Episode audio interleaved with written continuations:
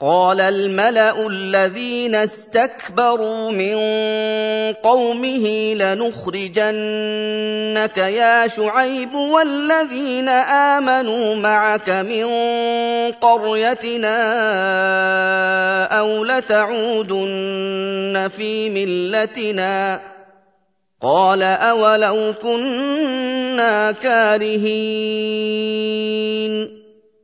Para pemimpin dan pemuka kaum Shu'aib yang menyombongkan diri, mereka berkata kepada Shu'aib alaihi salam, Sungguh kami benar-benar akan mengusirmu wahai Shu'aib dari desa ini bersama dengan para pengikutmu yang mempercayaimu atau kamu mau kembali kepada agama kami.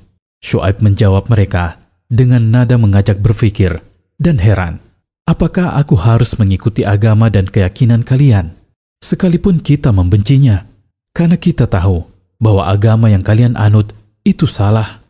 قد افترينا على الله كذبا إن عدنا في ملتكم بعد إذ نجانا الله منها وما يكون لنا أن نعود فيها إلا أن يشاء ربنا وسع ربنا كل شيء علما على الله توكلنا ربنا افتح بيننا وبين قومنا بالحق وانت خير الفاتحين Sungguh kami telah membuat kebohongan atas nama Allah jika kami mengakui kekafiran dan kemusyrikan yang kalian anut itu. Setelah Allah menyelamatkan kami darinya dengan karunia-Nya, dan kami tidak boleh dan tidak pantas kembali kepada agama kalian yang batil itu, kecuali apabila Rob kami menghendakinya, karena segala sesuatu tunduk kepada kehendak Allah Subhanahu wa Ta'ala. Pengetahuan Rob kami meliputi segala sesuatu. Tidak ada sesuatu pun yang luput dari pengetahuannya. Hanya kepada Allah lah kami bersandar agar Dia berkenan memantapkan hati kami di jalan yang lurus dan melindungi kami dari jalan menuju neraka jahim. Ya Rob kami, berilah keputusan yang benar di antara kami dan kaum kami yang kafir itu. Maka tolonglah pihak yang benar dan yang teraniaya untuk mengalahkan pihak yang salah dan ingkar.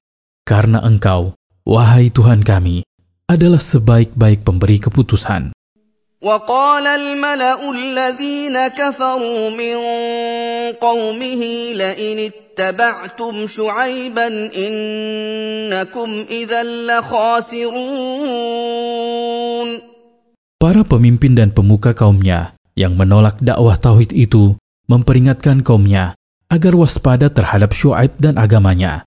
Mereka mengatakan, Sungguh, jika kalian masuk dalam agama Syuaib, wahai kaum kami, dan meninggalkan agama leluhur kalian, pasti kalian akan celaka. فأخذتهم الرجفة فأصبحوا في دارهم جاثمين Kemudian, mereka dilanda gempa bumi yang sangat dahsyat, hingga mereka tewas di dalam rumah-rumah mereka sendiri. Mereka tewas dalam posisi telungkup dengan lutut bertekuk dan wajah tersungkur di dalam rumah-rumah mereka. الذين كذبوا شعيبا كأن لم يغنوا فيها الذين كذبوا شعيبا كانوا هم الخاسرين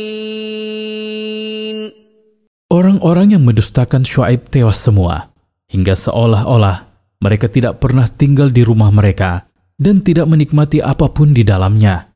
Orang-orang yang mendustakan Shu'aib itu adalah orang-orang yang benar-benar merugi, karena mereka kehilangan nyawa dan harta benda mereka, dan bukan kaumnya yang mau beriman kepadanya yang merugi, sebagaimana anggapan orang-orang yang kafir dan ingkar.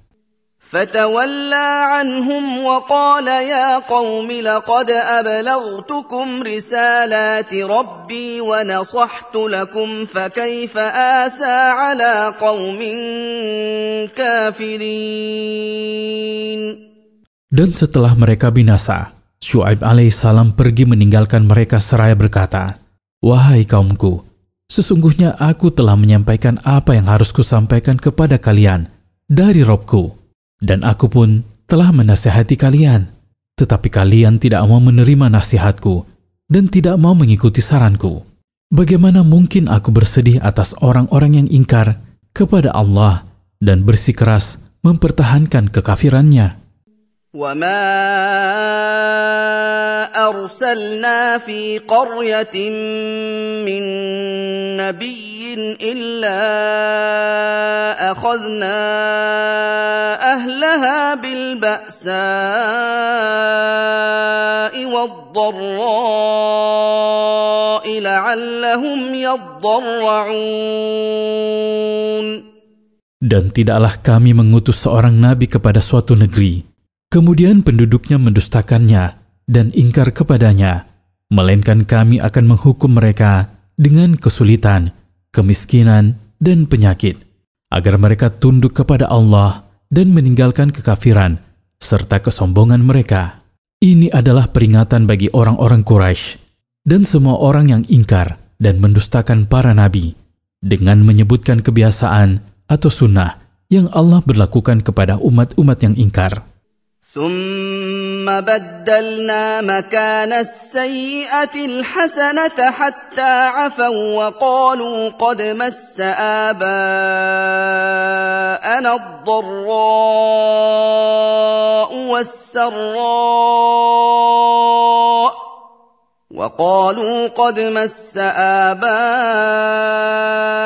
الضراء والسراء فأخذناهم بغتة وهم لا يشعرون